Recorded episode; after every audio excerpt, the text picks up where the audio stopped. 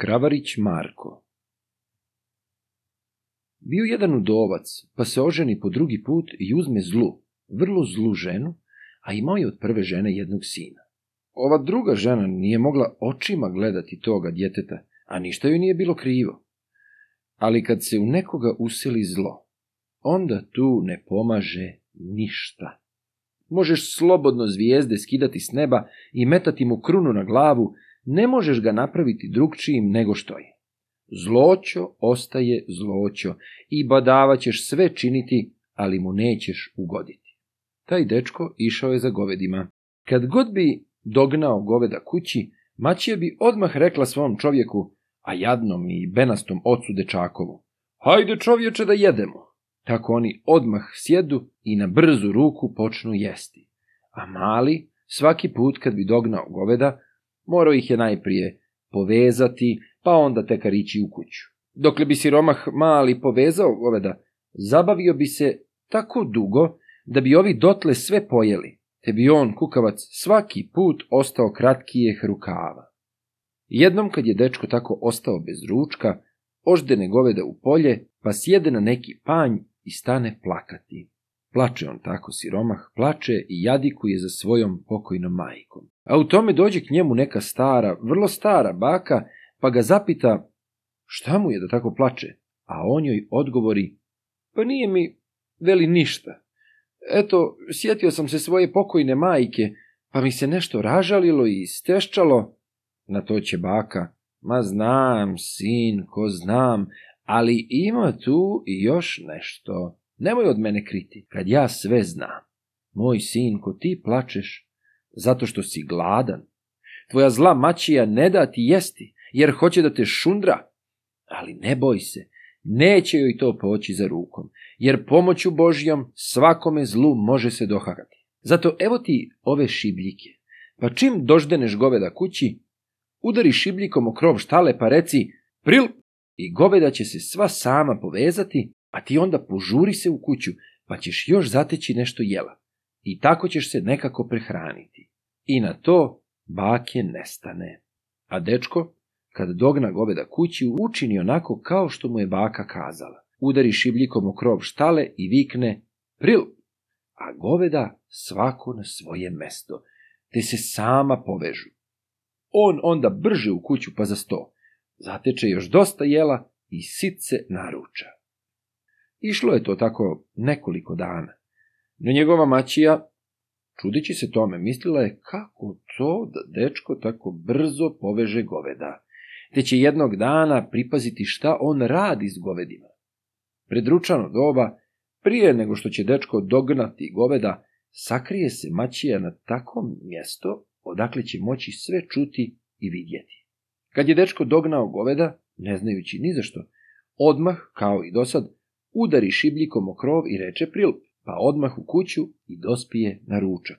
Sjutradan ukrade mačija onu šibljiku, te je spali, a dečko kad dogna goveda traži šibljiku, ali nje nema tamo gdje je on obično ostavljao, te on morade i opet sam vezati. Dok on poveza goveda, mačija i otac pojeli sav ručak, te on opet gladuje. Drugi dan, kad je dečko odagnao goveda u polje, Sjede opet onako gladan na panj, pak počne plakati. Plače on tako, bogo moj, plače kao godina. Kad li, ali evo opet one bake k njemu pa ga pita šta mu je da plače. On joj sad kaže kako mu je mačija ukrala onu šibljiku, te kako sad opet mora sam goveda vezivati. A dok on goveda poveže, oni pojedu sve jelo, te sad opet mora trpljeti glad, a baka će njemu. Sad ti drugo ne preostaje nego da seš kravu. Jest, kad bi mi se krava dala sati, reče on. Ne trebaš se za to bojati, reče baka. Samo probaj pa ćeš vidjeti. On sad proba, a krava, brate moj, stoji kao ukopana. Tako ti je on sao kravu svaki dan, a kad je dogonio uveče kući, bio je veseo. Hraneći se ovako, bome početi on rasti i napredovati tako da, što ga uveče smrkne, još ga toliko ujutro osvane. Njegova mačija počne se čuditi i glavu lupati. kuda je i kako je to da dečko napreduje, kad kod kuće ništa ne jede. Drugi će tu morati vrag biti, pomisli mačija, njega neko potajno hrani. Jedanput će zapitati ona njega otkuda se uhranio i koga hrani, a on će njoj. Pa ne hraniš me ti, valjda i sama znaš, nego mi donose pastiri po koricu suva kruha, te se tako hranim da se prehranim. Taman bi ti bio taki zavratak da te pastiri hrane suvim kruhom, reče Maćija, te naumi da tome uđe u trag. E, moj mali, veli mu ona, kasno si se ti rodio da bi mogao mene prevariti. Sjutradan spremi se ona, pak će krišom otići u polje gdje mali napasa goveda. Sakrije se za jedan šiprag, pa će paziti. Kad ono ručano doba, ali ima šta i vidjeti, mali podavro pod kravu pa se, a krava stoji kao ukopana. Ona sad ode kući, pa čim se sastane s čovjekom reče mu, čuješ čovječe, ja hoću da zakolješ našu milenku. Ma ne budali luda ženska glavo, velio i čovjek. Kako bih ja klao naku kravu, a pritom i jedinu muzaru, pa da onda suvotujemo kao i druga sirotinja bez ikakva smoka. Nema tu ništa, veli ona, ti kravu moraš zaklati, jer onaj tvoj zavrzan se kravu pa ne mogu ništa umusti, a hraniti kravu samo za onoga glavonju, to bi mi se zvalo lijepo gospodarstvo.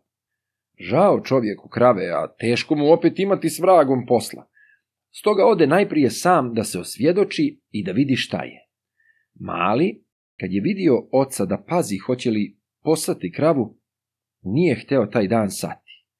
Čovjek dođe kući pa reče ženi da tu nema ni traga od kakvoga sanja, jer on je dobro pazio, pa čitav dan nije mogao ništa opaziti.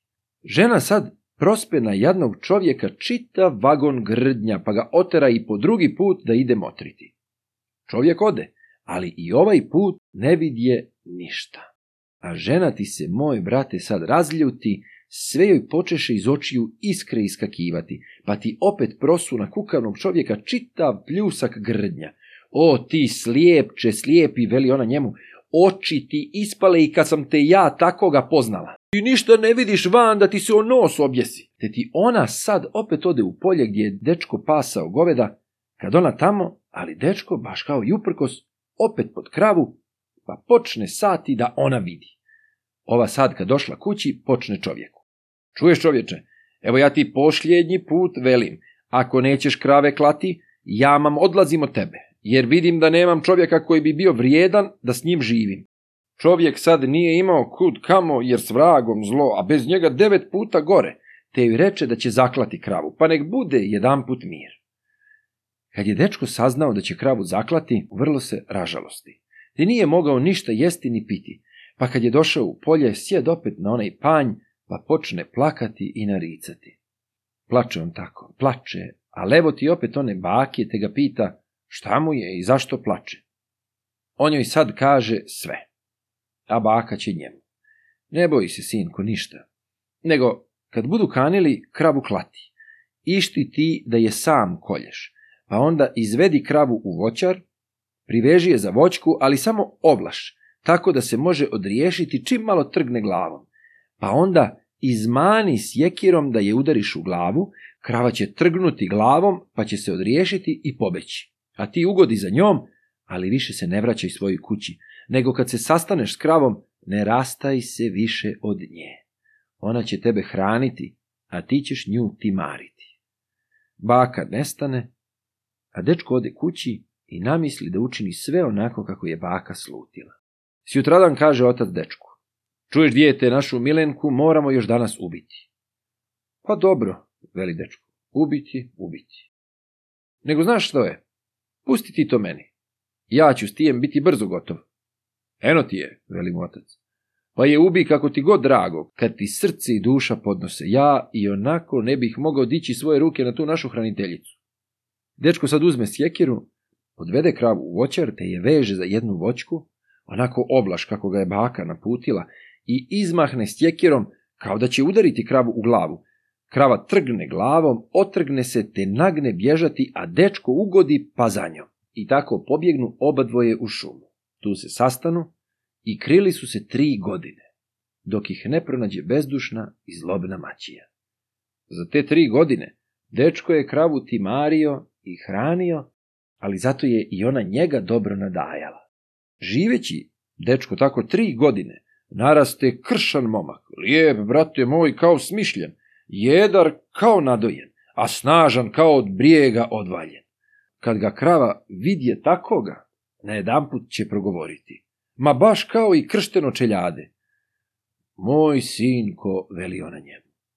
Ti si dosta sad jaki. Više ti ne treba moje hrane. Od sad ćeš moći i bez mene živjeti. Idi po svijetu pa radi, te se hljebom hrani ali prije nego se rastanemo, moraš me svojom rukom ubiti. Sačuvaj Bože, veli on, kako bih ja mogao svoju ruku dići na svoju hraniteljicu? To ja niti mogu, niti hoću. Ti mene moraš ubiti, veli opet krava. I neka ti je prosta moja krv. Meni i onako nema više ovdje života, nego ti lijepo mene ubi, pa me zakopaj, da me ne bi dušmani dirali mrtvu. Kad je ovaj vidio da ga se neće da okani, zapita je kako i čime hoće da je ubije. najlakša će mi smrt biti veli krava, ako me ubiješ svojom šakom. On sad diže ruku, pa kravu šakom u čelo i ona na mjestu ostade mrtva. Onda iskopa duboku jamu, te kravu sahrani, pa onda iščupa tri hrasta i metne ih na njezin grob. Kad je tako svršio s kravom, digne se odatle u svijet. Išao je on tako, išao bome, Dođe u sred šume pred jednu kolibu. Pred kolibom sjede dvije grdne junačine. Strašno ih je bilo pogledati, a nek moli s njima besjediti. On, izišavši preda njih i pozdravi ih, pomoz Bog, braćo. Bog ti pomogao, dočekaše oni. A otkuda smo mi tebi, braća? Ta mi ni ne znamo još ko si, ni otkuda si. Onda on njima ispriča sve o sebi i reče im da se zove Kravarić Marko, zato što ga je krava odhranila, pa zapitaj i njih ko su oni, od kuda su i kako se zovu. Oni mu sad kažu, jedan reče da se zove Tarigora, a drugi greda. Kad su se tako poznali ovi naši junaci, onda će Tarigora i greda zapitati Marka. Zbilja, pobrati me, ne pitamo te jesi li nam što god jaki, jer bez toga ne možeš nam biti ortak. O, jaki sam, veli Marko, kao i svaki drugi čovjek, da još nijesam ni imao prilike da okušam svoju snagu. Na to Tarigora poče čupati hrašće s korijenjem i zemlje i valjati, kao kakav strašni vior. Krivigreda opet zgrabi najdeblji hrast za vrh, pa ga savi uprav do zemlje, pa onda rekoše Marku da on podstakne ugarke na vatru. A na vatri je gorelo veliko hrašće. Našti ti Marko pograbi svakom rukom po jedan hrastov ugarak, a svaki je bio teži od njega, pa ih podstakne na vatru. Kad to vidješe Tarigora i krivi greda rekoše Marku. E, pobrati me po tome što vidjesmo, bit ćeš nam dobar ortak. Ali sad da ti kažemo našu nevolju, u kojoj kao naš ortak morat ćeš nam od danas pomagati. Dakle, čuj ti nas. Ovdje u ovoj šumi ima ti neko čudo od starca. To ti je baš prava peljda. Nemaš ga šta vidjeti da nije ti van koliko palac. A brad mu je od lakta. Pa da nema ono brade i da ne jaše na zecu, uprav mogao bi ga pogaziti u travi. Ti si vidio našu jakost. Ali šta je to prema jakosti tako čudnoga starca? S tolikom našom snagom nijesmo mu ipak kadri ništa učiniti. Već nam je toliko dozlogrdio i dodijao, da nam je postao i život ovdje tako dosadan, da smo se već nekoliko puta spremali da bježimo odavde kod bilo u svijet. Sjutradan reći će Tarigora. E, braćo, ako će se živjeti, mora se i raditi. Stoga, ako ste sporazumni sa mnom, a vi hajte danas u lov, a ja ću ostati da spravljam ručak i da pazim na kuću. Tako i bude. Krivi Greda i Kravarić Marko odu u lov, a Tarigora ostane kod kuće da spravlja ručak. Kad ovaj već bio gotov s ručkom, evo ti starca na zecu pa će Tarigori. Umo zbog, junače, je li ručak gotov? Da, kako da je gotov, ali nije za tebe, veli mu Tarigora, nego za mene i moje društvo. O tebe mi i tvoga mi društva, naruga se starac, skoči na Tarigoru te ga dobro izlevuša, pa ga strpa podase te sjede na njega kao na kakav stočić i opuca sam sve što je ovaj bio spremio za njih trojicu, pa otkasa na svom zecu dalje. Kad ona dvojica došla iz lova, pitaju za ručak, a Tarigora im sve ispripovjeda kako mu je bilo sa starcem. Sjutradan reče greda da će on ostati da spravlja ručak i da čuva kuću, ali on prođe kao i Tarigora. Onda će Kravarić Marko. Hajte, braćo, sjutra vi u lov, a ja ću ostati da siguravam ručak. Da okušam i ja sreću s tijem dušmanskim starcem i da vidim kako izgleda to čudo. Tako i bude. Kad su jutradan Tarigora i Krivigreda otišli u lov, ostane Kravarić Marko kod kuće da im osigurava ručak. Tek što je on bio gotov s ručkom, a levo ti starca od palca sa bradom od lakta, na zecu pa predanj. Pomoz Bog, junače, jel gotov ručak? Pomogao ti Bog, starče, gotov je ručak, veli Marko. Ali neće tebe ubosti u gubicu. Hoće bome prije nego tebe, veli starac. Vala i neće, veli Marko. Bome hoće, bome neće.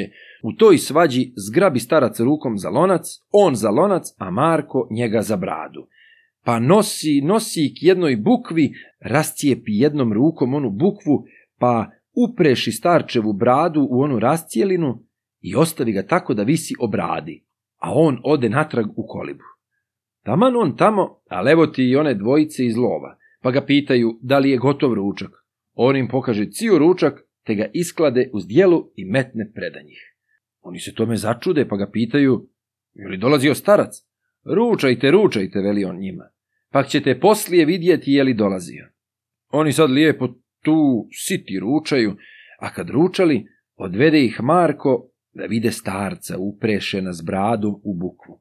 Kad tamo, ali jest, ni bukve ni starca. Starasti, brate moj, iščupao bukvu iz zemlje, pa zglobiti onako sa žilama i granama odvukao. A kud je god prolazio s njom, svuda je ležalo drveće po zemlji. Sve je to starac vukući bukvu za sobom povaljao. Oni sad ugode onijem tragom pa za njim. Išli oni tako, išli bogme, dođu do jedne jame i nađu da je starac u tu jamu uvukao onu bukvu. Kad to vide Kravarić Marko reći će svojim drugovima. Braćo, hajte me spustiti u ovu jamu, a ja idem tražiti starca i tražit ću ga dokle ga ne nađem. Pa ma morao ići do na kraj svijeta. Ovi sad brže bolje spletu od pavetine uže, te spuste Marka u jamu. Kad on sišao dolje, al tu, moj brate, sve same neke pećine. On ti sad ugodi kroz te pećine, pa goni bome, dođe ti on na jedno lijepo polje. A dugačko ti je i široko, jedini moj bogo, ne možeš ga očima pregledati. On ugodi tijem poljem, hajde bome, dođe on na jedno mjesto, a tu igra kolo samijeh baba. On im nazove Boga, a one će njemu, Bog dao čovječe s onoga svijeta, Bog dao. A kakva je nevolja tebe amo dognala? On im sad kaže sve i pita ih jesu li vidjele starca od palca sa bradom od lakta, a on joj vuče bukvu. One ga upute odatle da ide dalje. On zakala dalje, pa goni, goni, dođe na jedno mjesto, a tu igra kolo samijeg žena, sve u samo srebro odjevene, a na srebro igraju. Oni njima nazove Boga i pita ih za starca, one ga upute dalje. Otale dođe na jedno mjesto, a tu igra kolo samijeh djevojaka. Mili Bože, djevojke lijepe kao smišljene. Ne znaš koja je od koje ljepša, koja djeđernija, tu vidi i starca sa onom bukvom obradi, pa oko djevojaka sve poskakuje s noge na nogu. Kad naš Marko vidje starca, priskoči k njemu, zgrabi ga za glavu, pa mu izguli svu bradu koja ostade ucijepljena u bukvi. On htjede sad da ubije starca, ali ovaj ga zamoli da mu oprosti život, jer, veli, sad me se ne trebaš više bojati. Moja snaga otišla je s bradom, nego, ako mi oprosti život, kazat ću ti nešto što će ti donijeti sreće za cijeli život. Marko ga sad pusti. Poklanjam ti starče život, veli Marko, jer nijesam rad da iko na mene zažali a još manje da me prate čije suze i kletve. Volim nepravdu trpljeti nego li je činiti. Dobrim se i neprijatelj pridobije, a zlim i prijatelj odbije.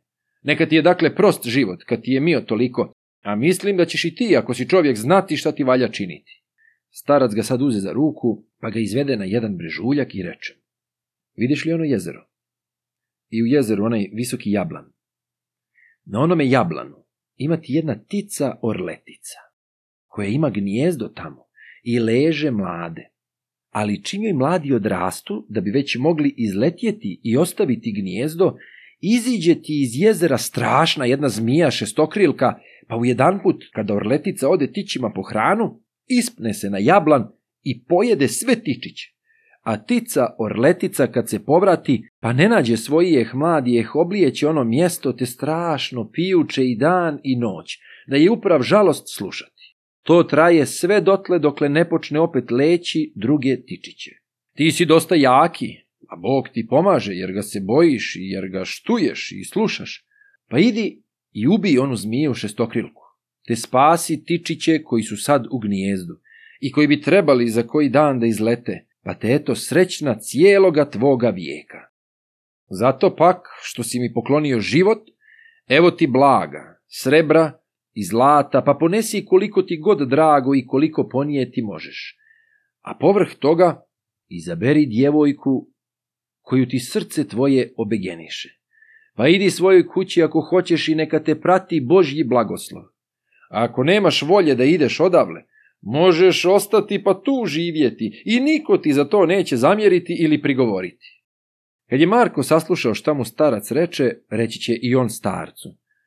E, hvala tebi starče na svemu, ali ja imam još dva dobra druga koji su me amo spustili i koji me još čekaju na ulazu u ovaj podzemaljski svijet da me opet izvuku gore. Zato, ako mi ne možeš dati i za svakoga od njih po jednu djevojku, onda ne mogu ni za sebe ni jedne povesti, jer nijesam rad da mi drugovi reku da sam samo živac. Dakle, starče, ako hoćeš da me daruješ, a ti mi daj i za moje drugove djevojke da im ponesem odavle nešto što bi se moglo nazvati pravim, pobratimskim darovima. Dobro junače, reče starac. Ja poznajem i tvoje pobratime, i oni su dobri junaci, pa su vrijedni da im poneseš darove kakve si naumija. Evo ti, djevojaka, pa biraj koje god hoćeš. Naš Marko sad izabere tri najljepše djevojke i uzme blaga, srebra i zlata što je mogao ponijeti, pa se uputi ono jami kroz koju ga spustiše njegovi drugovi. Zadrma je mužetom, te dade znak svojim ortacima da je tu. Ovi se tako isto jave opet od ozgoda još čekaju. On je sad vezivao jednu po jednu djevojku za uže i dao svakoj blaga koliko je koja mogla uzeti, a oni izvuku sve tri gore. Kad su i četvrti put spustili uže, dogovore se da Marka izvuku samo do polovice, pa onda da ga puste da pane. I tako Mislili su oni da će se on sljuskati i ubiti, da će tamo dolje i ostati. Pa oni će lijepo, blago podijeliti i svaki s jednom od onijeg djevojaka življeti, a onu treću, koju je Marko sebi namijenio, uzeći za sluškinju. Ali čovjek snuje, a Bog boguje. Pa tako i ovdje. Ovi zlo smislili, ali i Marko kao da mu je sam Bog otkrio misli njegovije hortaka dosjeti se nečem. Pa ti najpre probe radi, kad mu četvrti put spustiše uže, priveže jedan veliki kamen i dade im znak da vuku. Oni vuci, vuci, pa kad dovukli do polovice, puste i uže i kamen te kamen bub dolje. Kad je Marko vidio ovo nevjerstvo, on zahvali Bogu što ga je umudrio da iskuša svoje ortake i što ga je tako spasao od očite propasti, pa ti se vrati onda natrag i uputi onome jezeru. Kad on tamo, ali iziđe iz jezera ona zmija šestokrilka, pa se poče penjati uz onaj jablan, da pojede tičiće tice orletice. Kad on to vidje, zgrabi brže neku veliku kijaču, pa ucme ka zmiju i baci onako mrtvu u jezero, pa se onda uspuže na vrh onoga jablana gdje je bilo gnijezdo sa tičićima. Kad on tamo, a to u gnjezdu mladi, ali su to tičići, nego velike tičurine, kakvi je on nije nikada vidio, pa dobili već krila i perje kao i stari. Čim oni vidješe Marka, počeše od radosti pijukati, jer su znali da ih je on izbavio od zmije šestokrilke, pa mu rekoše da se sakrije između njih, jer ako ga vidi njihova mati kad dođe, ona će ga od radosti progutati. Sad se naš Marko umiješa među tičiće i oni ga pokriju svojim krilima tako da se nije moglo poznati da je on tu. Tek što su ga tičići sakrili, ali evo ti njihove matere, tice orletice. A to ti je ta tica, moj brate, da ju se čudom ne možeš načuditi. Svako joj je krilo dva klatra široko, a tijelo kao sud desetak. Kljunjo je toliki da bi najveći čovjek mogao stati u nju. Kad je Orletica vidjela svoje tičiće žive, zaradova se toliko da je svojim čudnovatim glasom zakrečala tako da su sve gore odjekivale. A naš Marko uvukao dušu se pa ni mrdnuti od golemoga straha. Onda će zapitati ona tičiće da li je dolazila zmija šestokrilka da ih pojede i kako su ostali živi. A on joj rekoše da je dolazila šestokrilka i da ih je odbranio jedan čovjek koji je ubio zmiju te ih tako za vavijek spasao od najvećeg njihovog dušmanina. Pa gdje je? Gdje je taj, zapita Orletica, ma gdje mi je, kažite mi, ja bi ga, da mi je tu od radosti i milošte ovaj čas pojela. Onda joj Tičići rekoše da je on otišao, ali oni ni ne znadu kuda. Kad se Orletica smirila, onda joj Tičići rekoše, majko, mi bi tebi kazali za našeg izbavitelja, ako nam obećaš da ga nećeš progutati. Ona im sad obeća. Oni se razmaknu, a Marko se izvuče ispod njih. Sad Orletica zahvali Marku i reče mu neka kaže šta hoće da i ona njemu učini za tu veliku ljubav.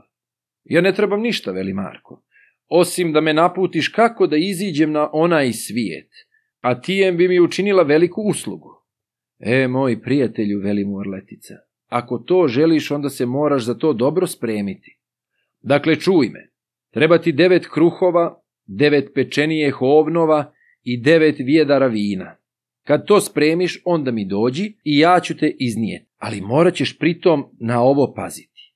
Kad te budem gore nosila, čim i ja kad god zinem, ti ćeš morati svaki put baciti u moj kljun po jedan kruh, jednog pečenog ovna, i uliti jedno vjedro vina. I dok ja sve to potrošim, ti ćeš biti gore.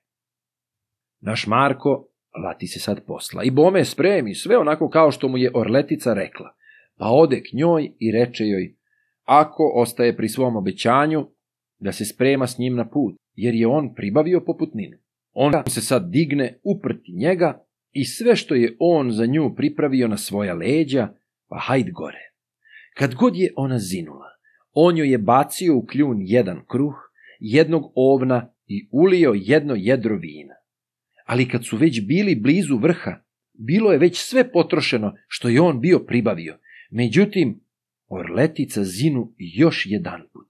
A Marko, ne imajući šta da joj baci, brže bolje zgrabi za svoj list, iskine ga cijeloga i baci joj u kljun, a pritom od velike muke i bola učini kroz tisnute zube, mm! u tom iziđe i gore, kad ga je spustila na zemlju, zapitaće ga.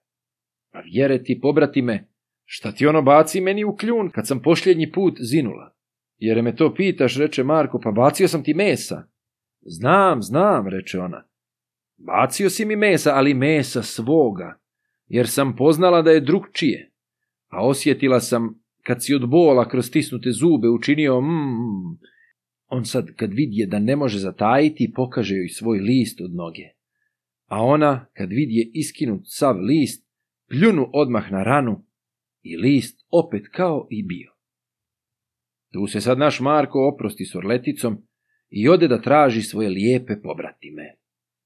Išao je on tako, išao, pa dođe do jednijeh velikijeh i lijepijeh dvora. Tu sad prvu vidi svoju dragu, koju mu je dao u podzemaljskom svijetu starac laktobradac. On je nju poznao, ali ona njega nije. Sad je zapita, bi li mu znala kazati gdje žive Tarigora i Krivigreda. Ona mu pokaza da su to njihovi dvori. Tu joj se on sad kaže, uzme je za ruku, pa s njome u te dvore. Nađe Tarigoru i Krivigredu, a oni se razgnjilili od lijenosti i nerada. On, kad ih vide onakve, zgrabi tojagu te ih istjera iz kuće. Prekine s njima svako dalje prijateljstvo i ortaštvo i otjera ih u svijet bez igde ičega. A on ostane tu, sa svojom ženom. Te je poživeo još dugo, srećno i zadovoljno.